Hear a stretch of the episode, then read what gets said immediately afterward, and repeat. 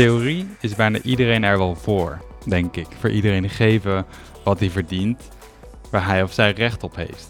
Voor een meritocratie, dus. Een maatschappij waarin niet je afkomst, maar je verdiensten, je talent en inzet, je maatschappelijke positie zou moeten bepalen. En toch is er de laatste jaren veel geschreven over de nadelen van zo'n meritocratie.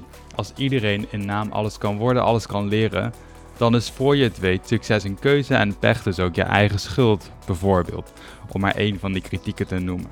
En is het eigenlijk wel haalbaar om zaken, goede en andere, andere dingen te verdelen op basis van dat vage verdiensten? Is dat niet een te abstract, misschien ook wel te contentieus concept om op te sturen?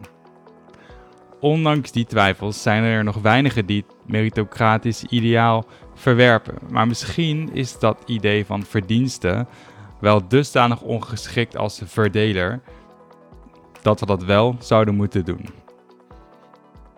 Daar heb ik het deze aflevering over met Dick Timmer en Meerte Martino. Dick is politiek filosoof aan de Technische Universiteit Dortmund, terwijl Meerte economen is bij de Rabobank. We praten in deze aflevering over waarom inkomensverschillen, welvaartsverschillen niet corresponderen met moreel relevante potentiële rechtvaardigers ervan, zoals hard werken, talent, etc.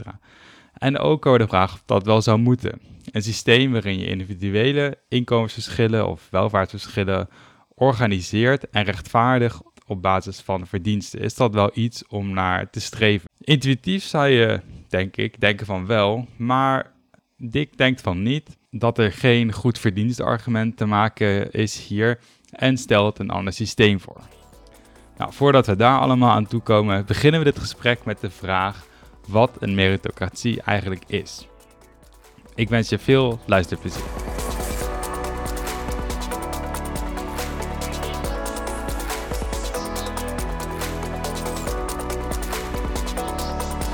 Algemeen is een meritocratie is een systeem of een meritocratische samenleving is een samenleving waarbij mensen recht hebben op bepaalde dingen op basis van iets waar zij verantwoordelijk voor zijn, op basis van hun verdiensten. Mhm. Ehm, dus als je bijvoorbeeld zegt dat we moeten talent belonen, dan in een meritocratische samenleving zijn mensen met veel talenten, die hebben meer, hebben recht op meer dan mensen met weinig talent. Of als je zegt we moeten hard werken belonen, ehm, dan wil je een samenleving waar mensen die hard werken meer hebben dan mensen die minder hard werken. Ja, dus hangt vanaf wat je als verdienste ziet eigenlijk. Ja. Ja, oké. Gewoon, er is iets van verdiensten en dat verschilt dan per cultuur, per samenleving, wat dan zeg maar de precieze uh, metric is. En op basis daarvan worden uh, bepaalde beloningen uitgedeeld. Dat is, dat is eigenlijk het idee. Ja, maar het is denk ik wel, het is misschien nog iets specifieker. Dus, want je kunt, dus soms gebruiken we het woord verdienst op een andere manier. Dus als je bijvoorbeeld, stel je hebt geen voedsel of geen onderdak, dan kunnen we zeggen, nou jij verdient beter. Uh, jij verdient het om een plek te hebben om te wonen. Of je verdient het om, om uh, uh, een belegde boterham te kunnen eten. Maar dat is niet het soort mm. verdiensten, denk ik, waar meritocratie over gaat. Omdat eigenlijk waar we het dan over hebben, is een idee van basale behoeften waar je moet kunnen voorzien. Um, dus daar, dat is niet het soort verdiensten van een meritocratie, terwijl we soms wel dat idee van verdiensten. Dus dat, het is belangrijk om die twee uit elkaar te houden, denk ik. Dus in een meritocratie is verdiensten echt datgene op basis waarvan je iets krijgt. Net als dat in het voorbeeld wat ik gaf, het kunnen voorzien in basale behoeften de reden is dat je ergens recht op hebt. Ja. Ja, en verdiensten is dan een eigenschap die mensen bezitten eigenlijk. Een eigenschap of een, iets wat ze laten zien. Iets wat ze hebben gedaan en waar ze zelf voor verantwoordelijk zijn, ja. Ja. Um, en dan bij ons dat meestal wordt dat verdienst ja, geoperationaliseerd als intuïtief. Dus een beetje van hoeveel je bijdraagt of um, hoe hard je je best doet. Zeg maar zoiets zou moeten bepalen eigenlijk hoeveel je van um, bepaald iets, um, zoals bijvoorbeeld geld of status, hoeveel je daarvan krijgt.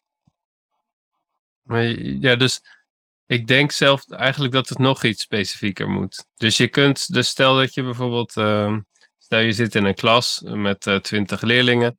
En aan het begin van de klas zegt de docent dat de beste leerling een 10 krijgt.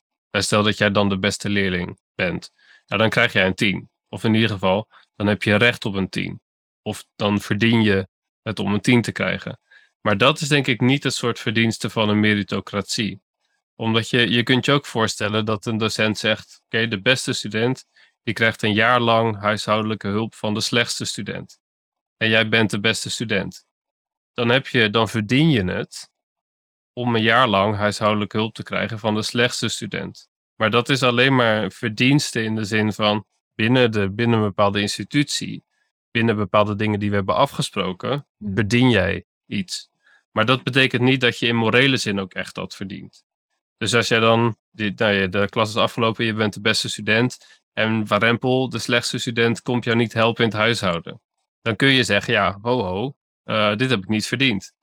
Um, maar dat is niet het soort, dat betekent niet dat je ook echt een moreel recht hebt daarop. Dus ik denk in een meritocratie gaat het niet alleen maar om wat je binnen een bepaalde set aan regels die we hebben gemaakt verdient. Maar eigenlijk nog op een dieper level, als je dat zo zou willen noemen, op een meer op een moreel of meer fundamenteel level. Wat het betekent om iets te verdienen. En soms verdienen mensen iets, bijvoorbeeld een bepaald salaris, wat ze in morele zin eigenlijk niet kunnen verdienen. Dus ik denk dat je voor een meritocratie moet je ook die twee nog weer uit elkaar halen. Dus er is een soort ja, institutioneel verdienste. Als je dat, dat komt dan uit het Engels, dat is heel lelijk. Um, uh, maar verdiensten zoals je dat binnen organisaties hebt en kunt afspreken, of binnen bepaalde competities of, of in de klas. En er is verdienste in de morele zin, waar je op basis van een prestatie die jij hebt geleverd en die aan jou toe te schrijven is, een moreel recht hebt ergens op. Dus ik denk bijvoorbeeld als jij, stel ik breek mijn been en jij brengt me een bos bloemen, dan, dan kan ik jou daarvoor bedanken. En dan is die dank is iets wat jij hebt verdiend, omdat je iets goeds hebt gedaan. Dat is denk ik het soort, het, dat is denk ik moreel verdienste. Uh, morele verdiensten. Mhm. Maar dat betekent niet per se dat ik jou daarom meer geld zou moeten betalen of zo. En dat is vaak waar die discussies over salaris over gaan. Maar goed, dan ga ik misschien te maar Um, vind je dan voor een meritocratie dat juist dat moreel verdienste belangrijk? Dat denk ik dat dat essentieel Ja. is, ja. Ik denk dat, dus ik denk dat een, een samenleving waarin we afspreken dat, eh, dat alle mannen twee keer zoveel zouden moeten verdienen dan alle vrouwen, eh, is totaal niet meritocratisch. Terwijl je zou kunnen zeggen in zo'n samenleving dat sommige mensen het verdienen om meer te hebben dan anderen. Maar dat is op basis van een set aan regels die gewoon onrechtvaardig is. Het is dus niet meritocratisch, denk ik. Ja. Meritocratie gaat meer over die morele verdiensten. En ongelijkheid die je op basis van morele verdiensten rechtvaardigt. Dus het idee is dat je wat mensen verdienen in een, in een soort amorele, feitelijke, misschien ehm, ja, materiële of zo zin, dat dat afgestemd is op wat ze zeg maar verdienen in de morele zin van het woord. Maar je moet toch iets hebben, een soort criterium hebben om te bepalen wat ze dan verdienen, eh, moreel gezien. Dus je moet daar toch iets, eh, ja, iets in het systeem stoppen, zeg maar. Iets in de formule stoppen. Ja, dat moet denk ik. Ja, ja oké. Maar goed, dus meritocratie is niet alleen maar je hebt die structuur, maar wat je daarin stopt in die formule moet ook echt eh redelijkerwijs ja, een morele rechtvaardiging zijn voor dat je dus bepaalde dingen krijgt. Dat denk ik wel. Dus bijvoorbeeld een van de dingen die je nodig hebt is gelijke kansen. Of gelijke mogelijkheden om bepaalde kansen te pakken. Want als je dat niet hebt, dan is het idee van een meritocratie heel erg leeg. Dus als je bijvoorbeeld zou zeggen, nou alleen de beste studenten die, die hebben recht op de hoogste inkomens en de mooiste banen. Maar als dan blijkt dat de beste studenten naar universiteiten gaan die voor de meeste mensen onbetaalbaar zijn, dan is zo'n systeem niet meritocratisch. Ondanks dat het zegt dat het de beste studenten wil beloven, eh, belonen. En het is niet meritocratisch omdat er geen, ja, geen eh, kansengelijkheid is. Dus ik denk, om zo'n meritocratie te hebben, heb je bepaalde randvoorwaarden nodig. En één daarvan is dus gelijke kansen of gelijke mogelijkheden. Denk ik. Maar de, de, er zijn mensen die daar anders over denken. Hm. Maar het hangt er dan ook vanaf wat je als verdienste ziet, toch? Dus dat is Ja, ook kun- wat jij bedoelde, denk ik, Maarten. Van wat zie je als verdienste? Is als verdienste dat mensen hard werken of hun best doen, dat ze dan recht hebben op een bepaalde ehm, beloning daarvoor. Mhm. Ja, wat stop je in de formule? Maar wat staat er voor, oké, moreel gezien verdien jij dit? Want dat je kan je niet...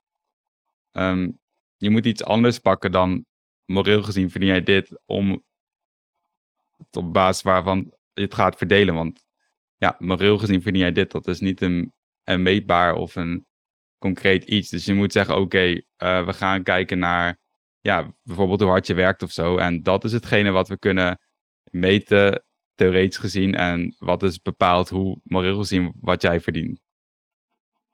Maar dat is denk ik vreemd.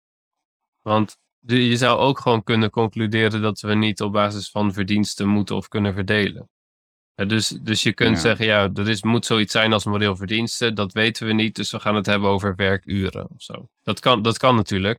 Maar dan, dat zegt niet dat die werkuren dan ook echt iets zeggen over wat je moreel verdient. Ehm, dus ik denk, dus bijvoorbeeld in, het, in een voorbeeld waarin jij mij bloemen brengt als ik mijn been breek of zo. Ik denk dat dat Mhm. meer moreel verdienst is en dat zou erin kunnen zitten dat jij iets doet, niet omdat jij er beter van wordt, maar omdat het mij gelukkig maakt en het kost jou iets. Dus je laat er iets voor. Nou, dat is misschien een reden om te zeggen, jij verdient in dat geval eh, mijn waardering. Om dan vervolgens te zeggen, je verdient daarom een hoger salaris enzovoort, dat is een heel andere stap, denk ik. Maar die verdienste gaat twee kanten op, toch? Want jij verdient ook die bloemen. Want je hebt je been gebroken. Ik weet niet of ik daarom bloemen verdien. Dat, dat, kun je, dat kun je in het Nederlands natuurlijk zeggen, zoiets. Eh, nou, ja, je hebt recht op die bloemen, dat klinkt een beetje raar. Ik heb daar geen recht op. Nee, maar ehm, zou, zou eh, Maarten recht hebben op jouw waardering? Dat denk ik wel, ja. In dit Moreel geval. gezien. Oké. Ja, Ja. moreel gezien, ja. Ja, als ik, als ik die bloemen dan zo uit het raam gooi, dan doe ik denk ik iets wat, wat moreel gezien of ethisch gezien niet goed is. En dat is omdat ik hem niet, niet waardeer. Eh, maar wat wij vaak doen is dat dat idee van waardering, verdiensten, van iemand prijzen of, eh, of juist het tegenovergestelde, zeggen dat iemand iets verkeerd heeft gedaan, om dat dan op discussies te plakken over welvaartsverschillen, over kansenongelijkheid, over ehm, de, de positie waarin mensen zich bevinden in de samenleving. En dat is denk ik een. Ja, kan gevaarlijk zijn, het kan misleidend zijn. eh, maar da- dat is denk ik iets waar we in ieder geval een heel fundamentele discussie over zouden moeten hebben. Of dat wel, of dat wel kan en hoe dat dan zou moeten. Ja, dus misschien, weet je, als, in, eh, als weg naar die discussie toe. Want dus we hadden het net over, oké, morele verdienst is een beetje een abstract concept. Je moet iets concreters hebben. Nou ja, of je kan concluderen van, eh, dat lukt niet, dus moeten we überhaupt wel op verdiensten. ehm, ja, dat als leidend principe gebruiken daarin. eh, bij de verdeling van zoiets als geld of materiële bezittingen of salaris. Ehm, want als je dus bijvoorbeeld nu kijkt naar hoe salarissen of lonen bepaald worden, dat heeft op zich niet direct heel veel te maken met, met de morele zin van verdiensten. Dat moet je misschien uitleggen. Ik ben het met je eens. Maar het is een, Ehm. een wijd verspreid idee, denk ik.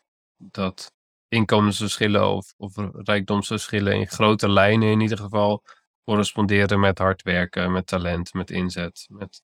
Maar zo, dus zoals ik het nu begrijp, maar jullie weten dit waarschijnlijk beter dan ik, dus vul me maar aan, is dus hoe lonen bepaald worden, dus hoe bepaald wordt hoeveel jij verdient, ehm, hangt eigenlijk vanaf hoeveel iemand die, die geld heeft en, en mensen kan inhuren, ervoor over heeft om jou dit werk te laten doen. Dus, dus het gaat er meer om van hoeveel waar andere mensen behoefte aan hebben, kan jij maken met, jou, met jouw vaardigheid. Dus bijvoorbeeld Ehm, nou ja, dus een, voorbeeld wat ik zelf dacht, maar ik weet niet of het zo heel goed werkt. Waar je ziet dat het heel toevallig is, is het voorbeeld van voetballers. Dus die verdienen heel veel. Vooral die hele, die zeg maar bij die clubs spelen die allemaal door sheiks zijn gekocht.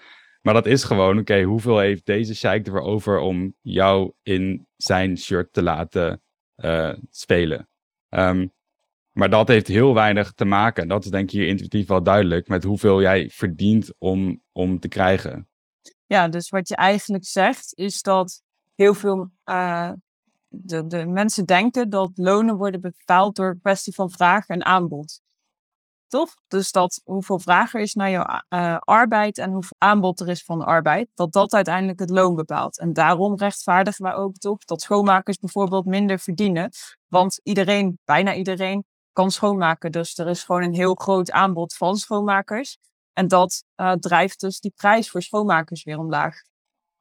Ja, precies. Dus het is meer gevoelig voor dat soort factoren als hoeveel schoonmakers zijn er, um, hoe, moeilijker, hoe moeilijk is het om schoonmaker te worden, hoeveel schoonmakers zijn er überhaupt nodig.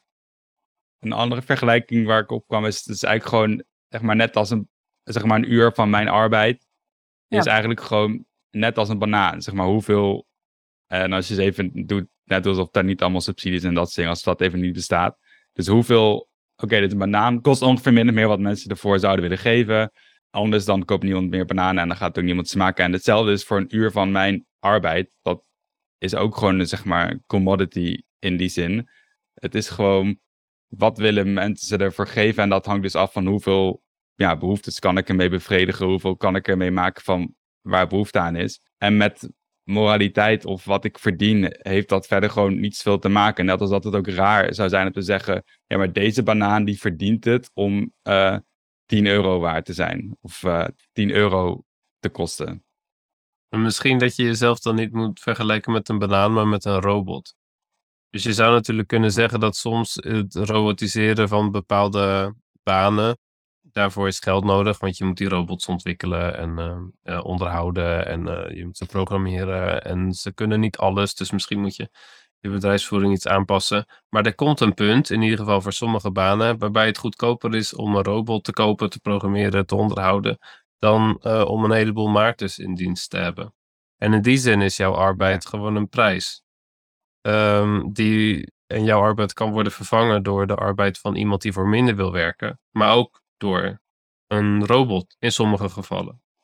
Dus de, dus ik, dus de banaanvergelijking. Ik, ik denk dat de robotvergelijking in die zin meer laat zien dat jouw arbeid dat dat gewoon een bepaalde waarde heeft en een bepaalde kost voor een werkgever in dit geval. Um, en dat er dus een moment kan zijn waarop jij te duur wordt. Of waarop het efficiënter is om, nou ja, om, om iemand anders in dienst te nemen of om um, uh, dus een, een, robot te gebruiken. Ja, en zeg maar die fundamentele discussie waar jij net al een beetje op hintte, Dick, dat is dus eigenlijk van, moeten we, wat gewoon het resultaat is van zo'n werkgever-werknemer interactie, dus net als dat um, met die banaan die robot, moeten we daar eigenlijk wel, of heeft het zin, of moeten we daar eigenlijk wel over praten in die uh, morele termen, morele concepten, als in die verdient het om, om zoveel te krijgen en dat is wel of niet terecht of gerechtvaardigd. Uh, ja, zou dat wel moeten. Ja, en we hebben het dan vaak, dus wat in discussies vaak naar voren komt, zijn de topsalarissen. Ja, dus van de, de topmannen en vrouwen in het Nederlandse bedrijfsleven. En in Amerika is dat nog een stukje hoger. Of van de rijkste, de, de, de meest vermogende mensen op aarde. Elon Musk enzovoort. Maar ik denk als je echt dat, dat idee gaat toepassen, dan moet je niet alleen maar nadenken over de mensen die heel veel hebben, maar ook over de mensen die weinig hebben. Ja, dus je kunt dan niet, eh, je, je zou eigenlijk niet alleen moeten willen zeggen, uh, Elon Musk verdient heel veel geld vanwege zijn zijn bijdrage aan de, aan de samenleving. Um, maar ook dat mensen die weinig verdienen, als hun salaris ook een afspiegeling is van hun verdiensten, dat ze dus ook daadwerkelijk zoveel minder verdienen in morele zin. En dat, zo, dat vergeten we vaak. Dus, dan, dus het, in de discussies gaat het vaak over wat, wat mensen die heel veel hebben verdienen en waarom ze dat dan inderdaad echt zouden moeten hebben. Terwijl als je echt consequent bent, dan gaat het natuurlijk over het hele spectrum aan salarissen, aan vermogens, aan andere dingen die waardevol zijn. Um, en dat, ik denk zelf dat het idee van verdiensten, dat je dat niet zou moeten willen toepassen daarop, omdat ik denk dat het niet kan uh, en moreel gezien problematisch is. Maar als je het doet, dan moet je het goed doen. En dan moet je dus een idee van verdiensten hebben, waarmee je zowel de, de grote vermogens, de uitschieters kunt rechtvaardigen, maar vooral, vooral ook de inkomens en vermogens van mensen die geen uitschieter zijn. Um, want dat is, dat is wat zo'n principe dan zou moeten doen, denk ik. Mm Maar ik snap nog niet helemaal, want het idee van marktwerking, dat wordt dus heel erg gebruikt. Ook om uh, eigenlijk moreel te uh, rechtvaardigen de inkomensverschillen tussen verschillende beroepsgroepen. Dus er wordt heel vaak gezegd, ja, het is logisch dat schoonmakers minder verdienen, want er zijn er gewoon heel veel van. En het is logisch dat een advocaat heel veel meer verdient, want je moet een opleiding doen, het is moeilijk om het te worden. En daardoor zijn er ook eenmaal niet zo heel veel advocaten, dus uh, vraag en aanbod, zij verdienen ook meer. Dus ik denk dat het niet klopt dat het idee van marktwerking, dat dat niet moreel is. Om, uh, dat is ook een manier om uh, moreel bepaalde uh, inkomensverschillen te rechtvaardigen. Kijk of je het ermee eens bent. Of het een morele manier is die je ondersteunt. Hè? Dat, maar het is wel, het wordt heel veel gebruikt om het moreel te rechtvaardigen. Oh ja, uh, zeker. Sorry. Dat dat, dat- ja. zeker. Ik denk dat dat, dat dat niet zou moeten, maar dat wordt zeker als argument Ja. gebruikt, ja. Ja. Mm, maar ik denk dat we hier dus twee dingen echt scherp uit elkaar moeten halen. Want dus toevallig dat- zat ik hier dus gisteren over nadenken. Dus Meerte, jij zei net, oké ja, dus het is logisch dat bijvoorbeeld een advocaat meer verdient dan een schoonmaker. Ehm, en vrij snel daarna, dus dan is het ook moreel gerechtvaardigd. dat is dan vaak een beetje het idee. nee. Ik bedoel meer Ja. ehm, dat de markt, de marktwerking, vraag en aanbod, dat dat wordt gebruikt als morele rechtvaardiging om eh, inkomensverschillen eh, moreel te rechtvaardigen. Dus Oh niet ja. dat het goed is, maar dat het wel zo wordt gebruikt. Ja, ja, oké. Nou ja, dus wat ik... Ik zat te denken, die twee dingen wil je eigenlijk uit elkaar halen. Van oké, het is logisch op een bepaalde zin. Dus nou ja, bijvoorbeeld, ik zat dus daar gisteren over nadenken. Als ik naar mezelf kijk, ik heb dan filosofie eh, gepromoveerd. Ja, het is in zekere zin logisch dat we op de vriend van mij heeft technisch bedrijfskunde gedaan. Of andere vriend econometrie. Ja, in zekere zin is het logisch dat je dan meer verdient qua... Nou ja, die, ik, ik kan die logica daar wel van inzien, zeg maar. Omdat je dan misschien meer producten maakt of zoiets. Of, zeg maar. maar is het dan ook moreel verdedigbaar? Ik denk gewoon, dat zijn denk ik twee aparte vragen. Maar ja, vanuit de marktwerking is het logisch. Maar moreel, ja, nee, ja, ik weet niet. Waarom zou je dat zo op die manier bedenken? Terwijl, wat grappig is, merkte ik gisteren, als je zeg maar vanuit jezelf omhoog gaat denken van, oké, die persoon verdient meer, is dat gerechtvaardigd, is dat logisch? Denk ik, oh, oké, ja, het is wel logisch. Maar ja, met moraliteit heeft dat niet zoveel te maken, dacht ik. Maar als je zeg maar ja, naar onder gaat, van oké, ik verdien meer dan die is dat logisch? Is dat terecht? Ja, ja, ja, daar heb ik echt hard voor gewerkt. Ja, dat is echt wel terecht dat ik, eh, ja, dus dat merkte ik aan mezelf. Maar dat kan je dan ook niet zeggen eigenlijk. Dus je moet gewoon zeggen, oké, het is, nou ja, er zit vast, het is economisch gezien logisch. Maar ja, met moreel, moraliteit heeft dat niet zoveel te maken verder. Nee, daar ben ik het echt. Nee. Want Ja, het hele feit dat wij goederen verdelen via een markt, dat is ook een morele keuze die gemaakt is door de politiek. Dat is een politieke keuze. Dat is niet iets wat zomaar gegeven is waar we ons aan moeten onderwerpen of zo. Dus het hele, Ja. eh, de marktwerking, dat hangt één op één samen met de politiek. Dus ik vind het raar om, Ehm. te- om de marktwerking te beschouwen als iets wat niet zoveel met eh, eh, moraliteit van doen heeft. Want dat heeft het juist wel. Want wij hebben met z'n allen besloten dat we op die manier goederen willen verdelen. Ja, precies. Dus jij zegt eigenlijk, oké, eh, lijkt weer een beetje waar we helemaal in het begin over misschien. Maar oké, dus binnen dit systeem is het in zekere zin, zeg maar, logisch. Eh, als in, logisch in de zin van voorspelbaar. Ehm, maar je kan ook zeggen, moeten we überhaupt het wel op zo'n manier, dus met dit systeem, gaan, gaan, eh, gaan regelen? Maar dus denk ik wel, dus je kwalificeert logisch natuurlijk steeds. Of logisch in economische zin of voorspelbaar. Maar dat is wel echt een kwestie van perspectief, denk ik. Dus, je, dus precies om de, eh, om de reden die je me te geeft, dat welke producten en goederen via de markt worden verhandeld, is een, is een keuze uiteindelijk. Dus een, een maatschappelijke keuze met heel grote consequenties. Dus bijvoorbeeld als je kijkt naar Ehm, het loslaten van de regulering van de woningmarkt eh, heeft enorme maatschappelijke consequenties. Eh, en dat is een keuze geweest van de politiek, van de samenleving. Ehm, die voor, voor op de levens van heel veel mensen nu een enorme impact heeft. En het, het is vreemd om te zeggen dat dat soort die markt dan, ja, dat wat daar gebeurt, dat dat niks met moraliteit van doen heeft. Maar de, ik denk dus een interessante vraag van ja, wanneer is dan iets, wat, wat is dan logisch? Dus in, in de logica, als je, als je het zeg maar zo gaat beschouwen, dan gaat het over premissen en conclusies. En of een argument of, of een conclusie volgt uit, uit een premisse. Um, en en ja, ik vind het niet per se logisch dat een, uh, de gemiddelde advocaat meer verdient dan de gemiddelde schoonmaker. Als dat bijvoorbeeld ertoe leidt dat de gemiddelde schoonmaker een werkende arm is. Dus iemand die, die werkt en tegelijkertijd beneden een uh, minimum bestaansniveau zit. De, voor mij, ik zou zeggen dat is onlogisch. Hmm. Ook als je het kunt verklaren op basis van vraag en aanbod. En het feit dat de, de markt nu eenmaal zo is dat sommige mensen zich uit moeten laten buiten. Uh, omdat dat beter is dan helemaal geen inkomen hebben. Maar daar zit. Ik denk dat, het, dat we ja, soms misschien te makkelijk denken: hey, dit, dit is zoals het is. Um, of dit is, mm. dit is nou eenmaal hoe de markt werkt. En daar moeten we dan soms misschien een stokje voor steken. Uh, terwijl dat het, het, het marktdenken en het denken in termen van economisch nut uh, is heel erg diep ver, verweven in hoe wij de samenleving zien en hoe we over onszelf nadenken en over onze eigen verdiensten en de verdiensten van anderen.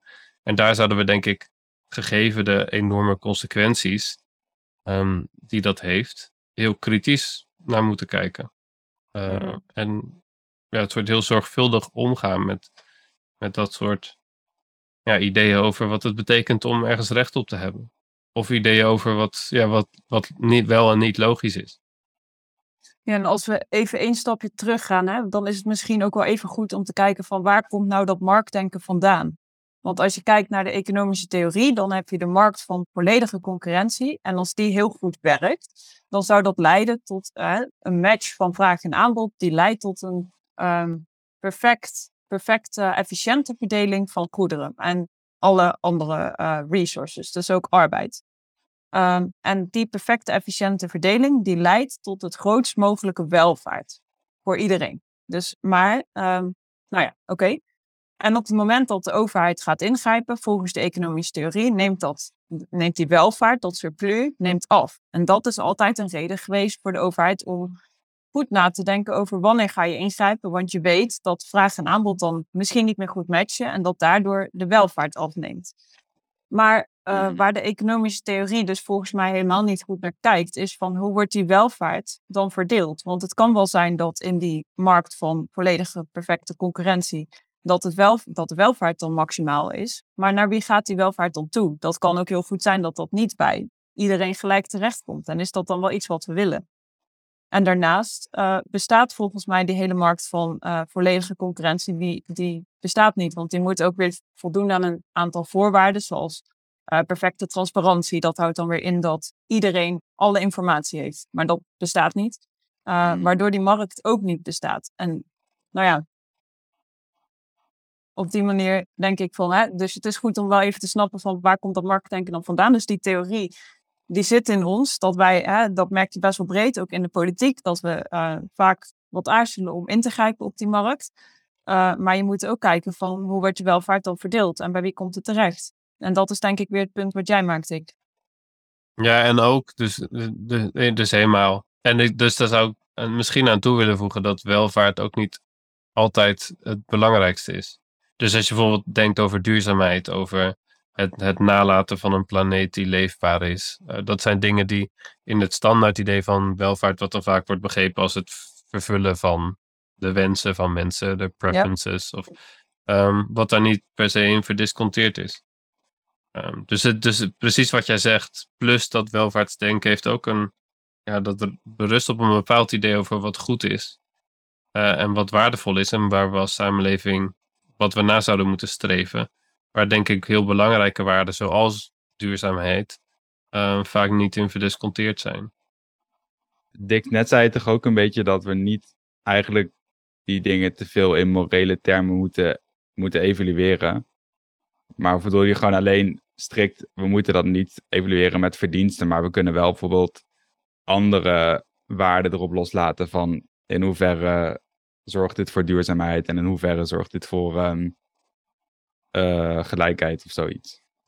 Ja. Dus dat laatste. Dus ik denk dat, Oh, ja. dat verdienstargumenten niet werken. Maar, maar bijvoorbeeld ehm, ervoor zorgen dat iedereen boven een bepaald mini- bestaansminimum zit, is denk ik een heel belangrijke, echt morele rechtvaardiging voor bepaalde economische systemen in plaats van andere. En het gaat natuurlijk niet alleen over economische systemen, ook over het politieke bestel enzovoort. Ik denk dat dat zijn door en door morele redenen op basis waarvan je kunt zeggen, nou zo zouden we een deel van die welvaartskoek moeten verdelen. Ik, ik denk dat dat heel belangrijk is, dat daar niks mis mee is. En ook dat dat een betere morele reden is dan te zeggen, eh, sommige mensen verdienen meer op basis van hard werken of talent dan anderen. Omdat ik denk dat dat argument, als het wordt gebruikt om economische ongelijkheid te rechtvaardigen, dat dat argument heel erg moeilijk van de grond te krijgen is. Ja, als ik het goed begrijp, zeg je, is het idee eigenlijk oké, in plaats van een soort van meritocratie, dus iedereen krijgt ehm, wat hij verdient in de morele zin, zouden we het moeten, zouden we eigenlijk in de ideale wereld een soort systeem moeten hebben van oké, dit en dit en dit zijn de waarden die wij belangrijk vinden en we gaan het systeem zo ehm, bepaalde constraints en dat soort dingen erin zetten, dat dus eh, duurzaamheid en iedereen boven een bepaald niveau, dat dat erin komt. Ehm, dat moeten we garanderen. En dan daarbinnen moeten we het niet echt hebben over wat je verdient, maar gewoon over ja, hoe die marktwerking werkt. Dat de, ja, dus ook in een niet-ideale wereld, denk ik. Ehm, maar, ja, maar je kan wel. Ik, ik, misschien ben ik ook wel voor een meritocratie, maar dan heel beperkt. Als het gaat om brengen, brengen van bloemen. Of eh, het, eh, het maken ook van een, een belangrijke maatschappelijke. Het hebben van een belangrijke maatschappelijke bijdrage. Ik denk alleen dat je dat niet moet koppelen aan geld. Of dat het niet, in ieder geval niet vanzelfsprekend is dat dat gekoppeld moet zijn aan geld. Dus bijvoorbeeld de, de voorvechters eh, in Nederland van de Black Lives Matter movement. Of in de MeToo-beweging. Of in, in andere sociale bewegingen die je nu ziet. Ik denk dat veel daarvan moreel gezien enorm belangrijk werk verrichten. En dat dat prijzenswaardig is. Dat dat heel waardevol is. Ehm, dat zij in die zin verdiensten hebben. Maar ik denk niet dat dat betekent dat ze, dat ze daarvoor geld zouden dat ze op basis daarvan meer geld zouden moeten hebben dan anderen bijvoorbeeld. En dat is hoe verdienstenargumenten vaak worden gebruikt. Dus dan kijk, zeg je dat nou, bijvoorbeeld CEO's zijn enorm productief of heel belangrijk voor het bedrijf eh, enzovoort. En daarom verdienen ze zoveel geld. En dat argument kun je denk ik niet maken. Maar in, in andere domeinen kun je denk ik wel meer meritocratisch zijn. Ehm, m- ik denk alleen niet in het economische domein. En dat is waar, het, ja, waar dit soort argumenten vaak worden gebruikt. Dick, wat Maar- denk jij dat de reden is dat nu dan, hè, dat CEO's zoveel meer verdienen bijvoorbeeld? Ja, ik vind dat heel lastig. Dus in de, de literatuur die ik daarover ken, is niet eenduidig daarover. Dus voor een, voor een, denk een belangrijke factor is het benchmarken. Dus als je een nieuwe CEO aanstelt of je gaat onderhandelen met de CEO over toekomstig salaris, dan wordt er vaak gekeken naar hoeveel, hoeveel mensen in vergelijkbare posities verdienen. Ehm, en als dat gebeurt, dan betekent dat vaak dat het salaris iets naar boven gaat. En over, over lange termijn betekent dat dat het salaris steeds meer naar boven gaat. Dus dat, ik denk dat dat benchmarken speelt een belangrijke rol. Soms is het zo, dus sommige mensen dat zeggen dat wat ook een rol speelt, is dat er geen, dat de informatie die een CEO heeft vaak niet overeenkomt met de informatie die, ehm, ehm, die de, de mensen hebben die de salarissen bepalen. Dus dat er een soort informatieasymmetrie is die kan worden uitgebuit. En voor een deel is het door de manier waarop de, ehm, de salariering van topmannen en vrouwen werkt. Dus bijvoorbeeld Mhm. als iemand een aandelenpakket krijgt en, het, en we zitten in een, ehm, in een situatie waarin de, eh, de aandelenmarkt steeds stijgt, dan gaan die, die salarissen worden ook steeds hoger. Ik, ik, maar ik, er zijn mensen die veel meer weten over hoe dit exact werkt dan, dan dat ik doe. Ja, Eh, ja. Wat, wat ik niet denk is dat, nu, dat topmannen en vrouwen van nu eh, heel veel productiever zijn dan de topmannen en vrouwen van 30, 40 jaar geleden. Of dat, ik geloof dat de topvrouw van Weight Watchers op een gegeven moment meer dan 3000 keer zoveel verdiende als de gemiddelde werknemer in dat bedrijf. Um, nou, dan zou je dus een verdienstenargument moeten hebben op basis waarvan je zegt dat ze zoveel meer uren werkt, meer getalenteerd is enzovoort dan, dan anderen binnen die onderneming. Ik, ja, ik kan daar moeilijk, ik kan daar niet iets mee. Maar, dat, maar heeft, het, heeft het niet ook gewoon simpelweg te maken met macht? Omdat een CEO uh, veel meer invloed kan uitoefenen op zijn of haar eigen uh, salaris? Oh, zeker, ja. Ja, ja dat uh, eens. En dat, dus dat is daar de, deels ook gewoon daar een, afspiegeling van, denk ik. En dat, ik denk dus aan de ene kant, denk dus, dus het idee van verdiensten is voor veel, in veel discussies en voor veel mensen heel erg centraal. Misschien ook om, om een soort ja, te begrijpen waarom de wereld in elkaar zit zoals die in elkaar zit. Om te begrijpen waarom sommige mensen veel meer hebben dan anderen. Dan kan dat idee van verdiensten een rol spelen.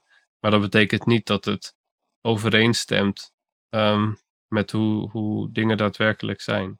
Um, maar zoals ik al zei, dus als het gaat over CEO, eh, salarissen en zo, dan zijn er mensen die daar veel meer verstand van hebben dan ik. Maar van de literatuur die ik ken, uh, is de link maken tussen echt performance of verdiensten en compensatie voor CEO's ehm, is niet heel erg sterk. En dus zijn het andere factoren, zoals benchmarken of op andere manieren uh, druk uitoefenen om een hoger salaris te krijgen. Die maken dat salarissen hoog zijn en soms ook stijgen. Ik heb zelf vaak het gevoel bij die, dat van als mensen altijd gaan proberen dingen te rechtvaardigen met verdiensten. Dat doet me altijd denken aan. Uh, want je, als andere mensen, je hebt ook van die mensen die altijd zeggen: Oh, dat voor alles een reden is, zeg maar. Dus, oh ja, als dat gebeurt, ja, is dat was wel er, eh, een soort van. Weet je wel, meer dat spirituele achtige van: Oh, dan is daar echt wel een reden voor. En hetzelfde met die verdienstargumenten voor iets als CEO's. Van, oh ja, daar zal vast wel een goede reden voor zijn. Het is uh, vast logisch. Ja, vast. Ja, maar dat doet me altijd een beetje aan als wegkijken of zo. Van, nou ja, dit is niet met verdiensten te rechtvaardigen. En dat moet je ook niet proberen. Het gaat gewoon niet lukken. Is gewoon de uitkomst van die, van die marktmechanismes. Maar ja, het is heel, ik denk dat je heel hard je best moet doen om dat te gaan rechtvaardigen in termen van verdiensten. Maar ik denk dat het ook in termen van marktmechanisme niet lukt. Want bij een CEO hmm. zit je al lang niet meer in de markt van volledige concurrentie. En dan heb je dus echt te maken met macht. En dat is niet meer simpelweg vraag en aanbod. Dat is gewoon echt de uh, druk uitoefenen om je eigen salaris te kunnen bepalen. Bekijk waar we nu een beetje over hebben van... Uh, Oké, dus in plaats van ja, net te doen alsof het een meritocratie is... zou je misschien beter om te zeggen... Oké, we hebben de overheid die, die zorgt ervoor dat we bepaalde waarden uh, naleven met onze verdeling van, van, uh, van geld. Um, en daarbinnen moet je het een beetje vrij laten zoals het nu is. En dan hopen dat die markt ervoor zorgt dat die arbeid efficiënt verdeeld wordt. Um, maar als je dan eens dit soort dingen hoort van oké, je hebt mensen in eigen salaris bepalen, je hebt uh, informatie, ja, gewoon dat soort dingen allemaal. Dan ga je op een gegeven moment ook afvragen, maar hoeveel moet je je nog bijreguleren als overheid naast bepaalde waarden, zoals uh, zorg dat iedereen uh, boven het bestaansminimum zit en duurzaamheid en zo. Hey, ik denk niet dat je hoopt dat het.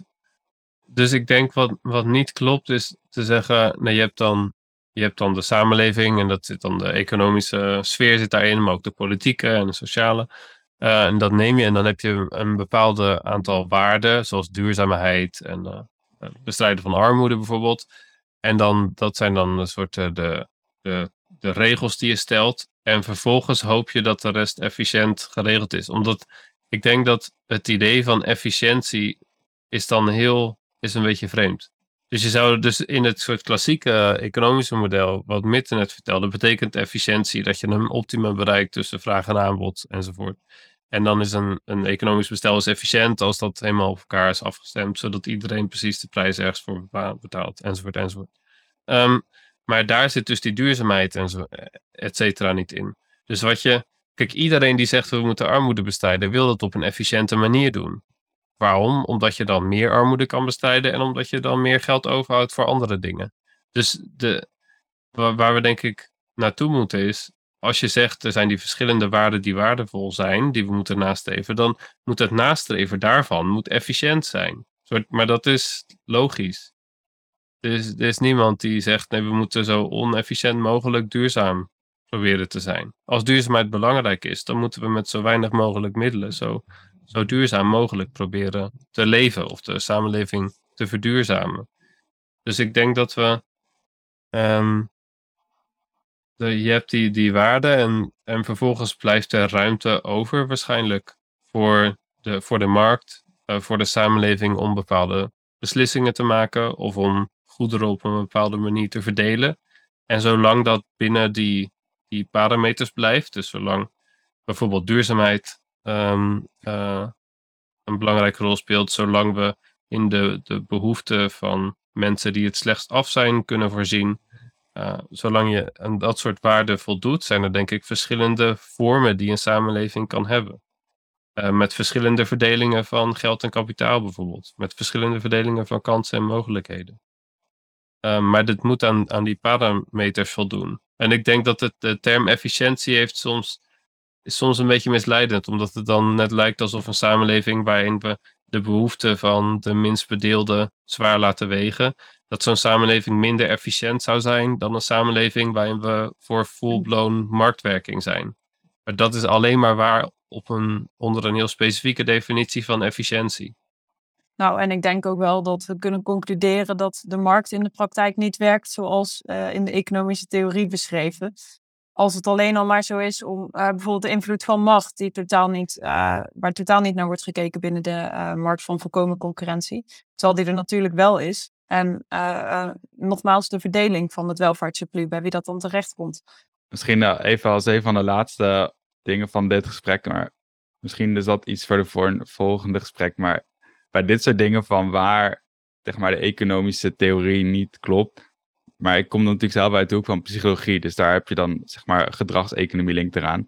Maar dus ik ben helemaal opgevoed met het idee dat er eigenlijk gewoon helemaal niks klopt aan dat idee van homo economicus en, en dat soort dingen allemaal. Maar ik Ja, soms precies. ook wel af van zijn we daar niet, eh, slaan we niet een beetje door naar de andere kant van oké, weet je wel, die aanname van het model klopt niet, die aanname van het model klopt niet, die aanname van het model klopt niet. Oké, dus dat hele idee van marktwerking, ja, waarschijnlijk eh, werkt dat ook gewoon niet. Nou ja, en het is ook een beetje van wat is het alternatief, hè? Dus we hebben ook nog niet echt Ja. een betere of een efficiëntere manier gevonden om die goederen dan wel te verdelen. We hebben in het verleden verschillende, ja, er zijn in de wereld verschillende systemen geprobeerd en toch lijkt dit tot nu toe de beste, eh, of ja, de, e- hoe zou ik het zeggen? De, Hm. snap je De minst slechte. Volgens mij noemde Aristoteles. Ja, democratie de minst slechtste regeringsvorm. En dit is dan misschien de economische equivalent. Ehm, Ja, exact. Ja, en we hebben natuurlijk niet alleen maar marktwerking. Dus we hebben een, een verzorgingsstaat die afbrokkelt helaas. Maar er, zijn, er is natuurlijk meer dan alleen maar de markt. Maar ik denk dat... Dus we begonnen natuurlijk met verdiensten. Ik denk dat zelfs als we even, even aannemen dat er wel zo'n perfecte markt is. Dat, dat aan alle voorwaarden is voldaan. En dat dat de manier is waarop goederen worden verdeeld. Dan heeft dat dus met verdiensten niks te maken. Dat, eh, dus maar is Dus- dat dan wel moreel gerechtvaardigd, zo'n perfecte markt? Stel, aan- je voldoet aan alle voorwaarden? dat denk ik, ik, dat kun je denk ik niet zomaar zeggen. Nee, nee. Dat- dat denk ik dat, dus bijvoorbeeld omdat het zo kan zijn dat er mensen gewoon heel erg in armoede leven. Eh, ja. Dus ik, dat kun je denk ik niet zeggen. Maar ik denk dus dat voor, de, voor zo'n verdienste, voor het idee van verdienste en de rol die dat zou moeten spelen in het rechtvaardigen van economische ongelijkheid, of gelijkheid in salaris, ongelijkheid in salaris, dat daarvoor de vraag of zo'n markt wel of niet perfect is en welke aannames je wel en niet ook nou ja, in, de, in de echte wereld ook eh, daadwerkelijk ziet ehm, dat dat niet eens zoveel uitmaakt. Of, Ja. Dus of je nou verdeelt op basis van een perfecte markt, of op basis van macht, of op basis van Eens. iets Ja. anders, dat zijn allemaal geen verdienste argumenten. Nee. En eh, dus misschien even al, als laatste vraag, als uh, zeg maar een samenvattingsvraag, zoals ik het goed begrijp, misschien een alternatieve rechtvaardiging voor eh, waarom iemand verdient wat hij verdient. eh, in de niet-morele zin, maar de financiële zin van verdienen hier.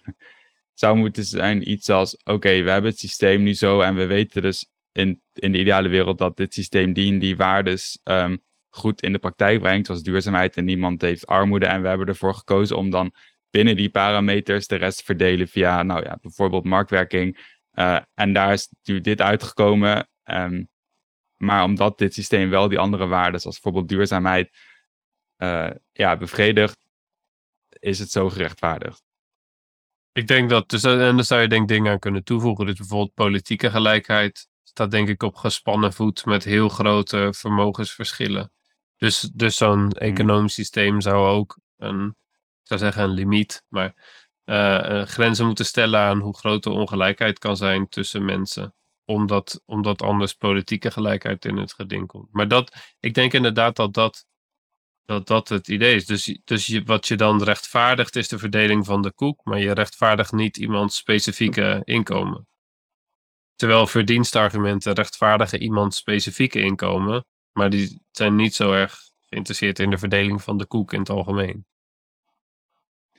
Ja, ehm, ik denk dat ik het snap. Ik hoop dat het voor eh, de mensen die luisteren ook duidelijk is. Ehm Mirte, wil jij er nog iets aan toevoegen? Nee. ik zal even laten denken, maar dan gaat dit te ver. Oké, nou ja, kunnen we het een volgende keer over hebben. Ehm, nou ja, hartstikke bedankt weer.